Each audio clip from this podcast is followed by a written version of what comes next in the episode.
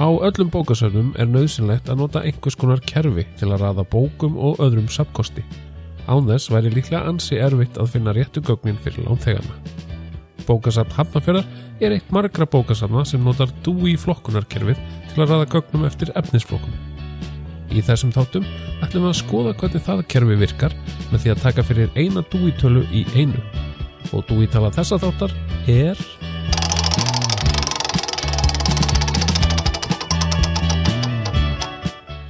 787,87 Velkomin í fjórða þáttin af þessari sériu.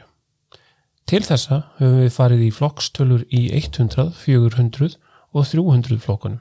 En núna ætlum við að fara á aðeins listrætni brautir og taka fyrir efnisflokkartölu í 700 flokkinum. Aðalflokkurinn 700 stendur fyrir listir, skemmtanir og íþróttir. Allt það helsta, fallegasta og flottasta í mannlegri tilveru, samkvæmt ymsum í það minsta. Efni sem fær dúi töluna 700 er umfjöllun um tvær eða fleiri tegundir myndlistar og eina eða fleiri tegundir annara lista, til dæmis um listmálara sem er líka myndtökvari og skáld.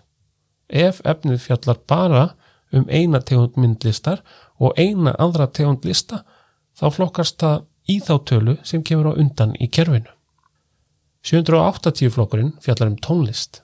Það er fjölbreytur og skemmtilegu flokkur en það eru undirflokkarnir ansi margir.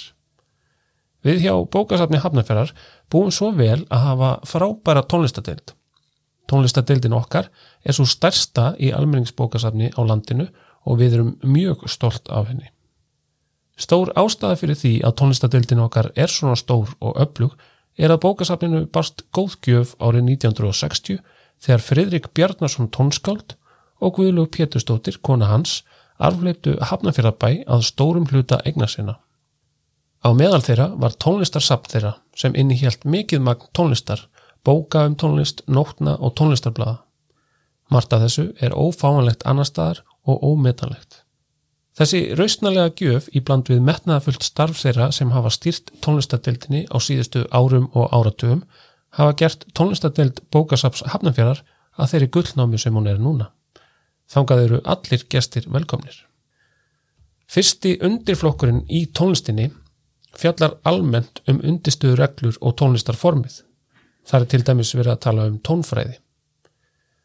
Í 782 og 783 er fjallað um söng og sönglög og í 784 erum við komin yfir í hljóðfærin.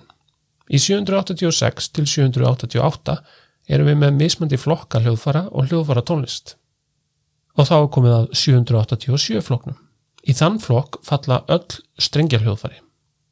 Það er til margar mismandi tegundir strengjarhljóðfæra, svo við þurfum að setja tölur á eftir kommuni til að þrengja flokkana ennþá meira.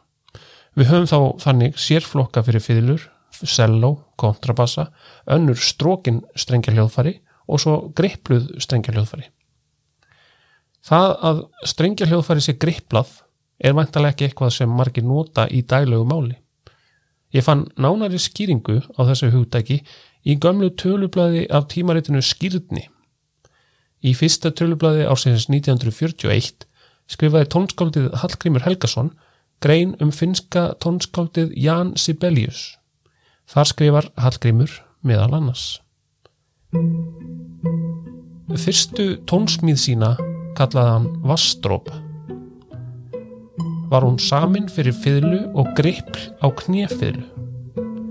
Þannig hafði hann sótt fyrstu hugmynd sína til náttúrunar og við náttúrukend hans hafði nú bæst vottur af raunsægiskend því að gripplið það er þegar greipið er í strengin með fingrinum í stað þess að strjúka með bóganum áttið að tákna fall ergdrópana á jörðina.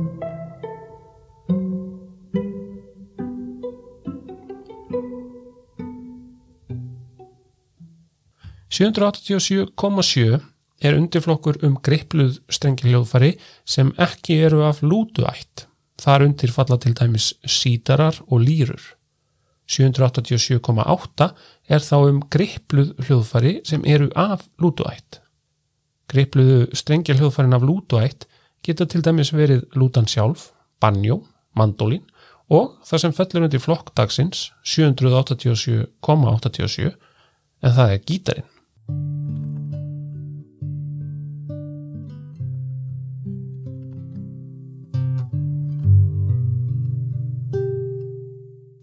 Samkvæmt vísindavefnum hefur gítarinn þróast í 2500 ár.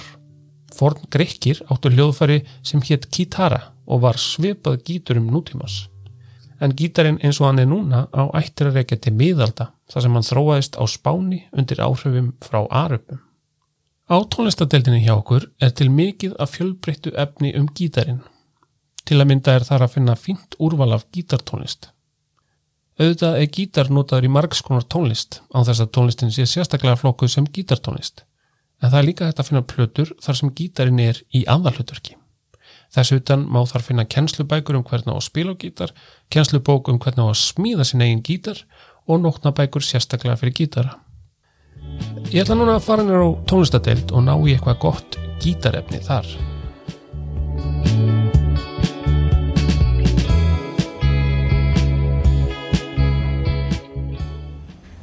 Það er á leiðinni í liftunni niður á tónlistardildina.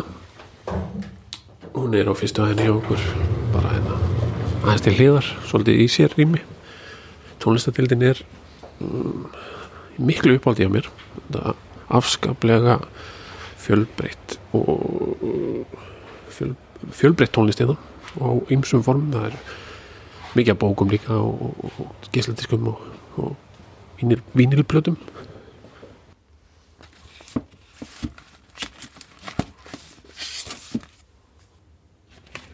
hérna í vinilhillinu finn ég afskaplega áhugaverðu plötu sem heitir The World of the Spanish Guitar eftir Narciso Yepes.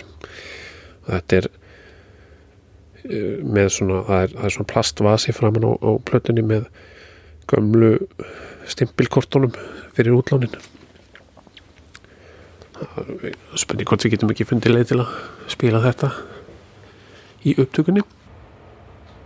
Svo er hérna sérstök hilla með kennslu efni og það er allt frá byrjandum og fyrir lengra komna og mandolin kennslubók og það er hérna, Star Wars nótur og fagott bók sem heitir The Complete Guitarist. Það er nú ekki amalegt fyrir gítarspillar hversu, hversu vanir eða óvanir þeir eru. Æfingar fyrir rafgítar það er nú skemmtilegt Guitar Chords Dictionary ég get alveg mælt með, með, með því fyrir þá sem er að læra á, á gítar. Svo er þetta bók sem ég ætla að grípa með og segja ykkur aðeins betur frá í, í rafbríminu. Heyrumst þar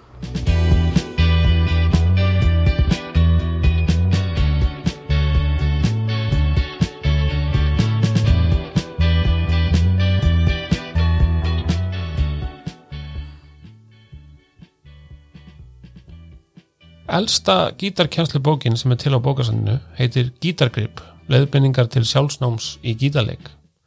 Bókin var gefin út af Drangeyjar útgáfinni árið 1952 og er í gegni talin vera þýðing úr dönskum. Engar upplýsingar er hins vegar hægt að finna um reytið á netinu eða á tímarit.is. Höfundur bókarinnar er skráður Erik Martinsson. Ég tók þessa bók með mér af tónlistadeldinni gítargrip leiðbenningar til sjálfsnáms í gítarleik.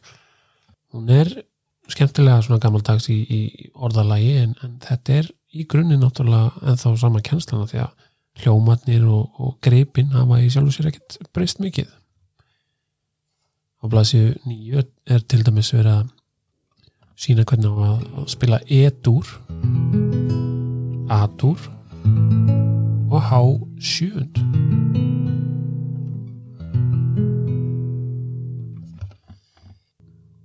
og svo eru gefin upp lög sem þú getur nýtt þessi greip í að spila. Lög eins og mér um hug og hjarta við brunnin bak við hliðið og nú er frost á fróni. Það er kannski helst í lagavalnu sem að maður sér að bókin er komin til ára sinna því það eru ansi mörg lögarna sem að ég allan að kannast lítið við þótt að bæði eldra fólk og bara fólk sem þekki betur til eldri tónlistar þekki sjálfsagt fleiri lög en ég. Við flettum í gegnum það hérna og, og lögin svo nú móttu hægt um heiminn líða vorvindar glaðir til fjalla kom draumanótt langt, langt í burt sólskinsbarn gamla Kentucky hún amma mín það sagði mér. Þetta eru svo sem áhugaverð lög en mér, mér sjátt hvað, hvað, hvað maður kannast við þetta er ekki, þetta er ekki beint svona útilegu lögin og, og gítarpartilögin sem að sem ég vannur allan en það er að, að að spila þetta einhvað síður og, og maður kannski slæri gegn með óhefðbundnum og óhefðbundnara lagamali í, í næsta gítarparti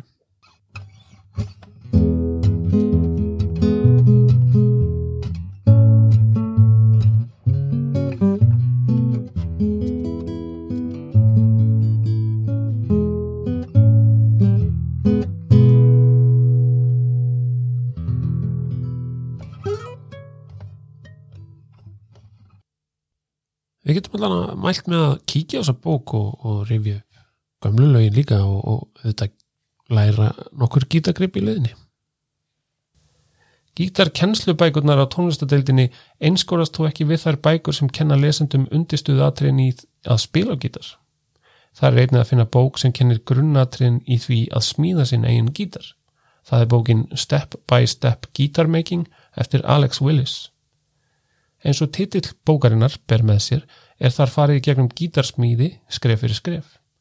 Með bókinni fylgir meira að segja gítarsnið sem hægt er að nota. Við vitum að einhverjir lánþegar hafa fengið þessa bók lánaða en því miður vitum við ekki til þess að gítar hafi verið smíðaður eftir þessum leiðbenningum.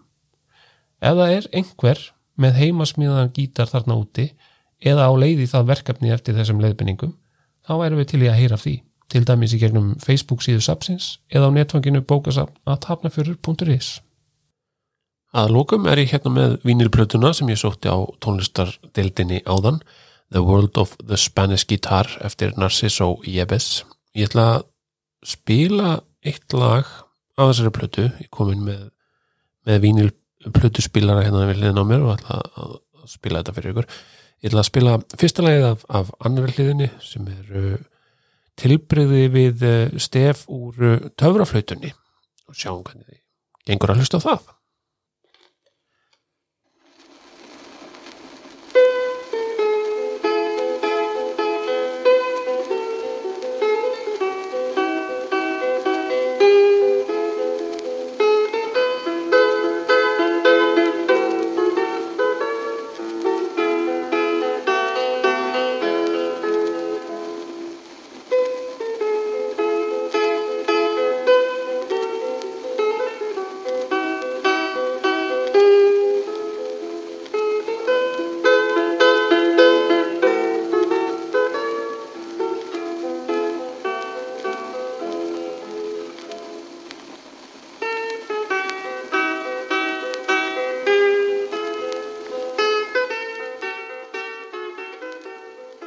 Þetta eru hugulegi tónar. Ef þið hafið einhverjar ábendingar eða óskir um dúi flokkunartölu sem að þið viljið að við tökum fyrir í þessum þáttum þá bara sendið okkur skilabóð á Facebook síðu sapsins eða bara á hlaðvarp at apnafjörður.is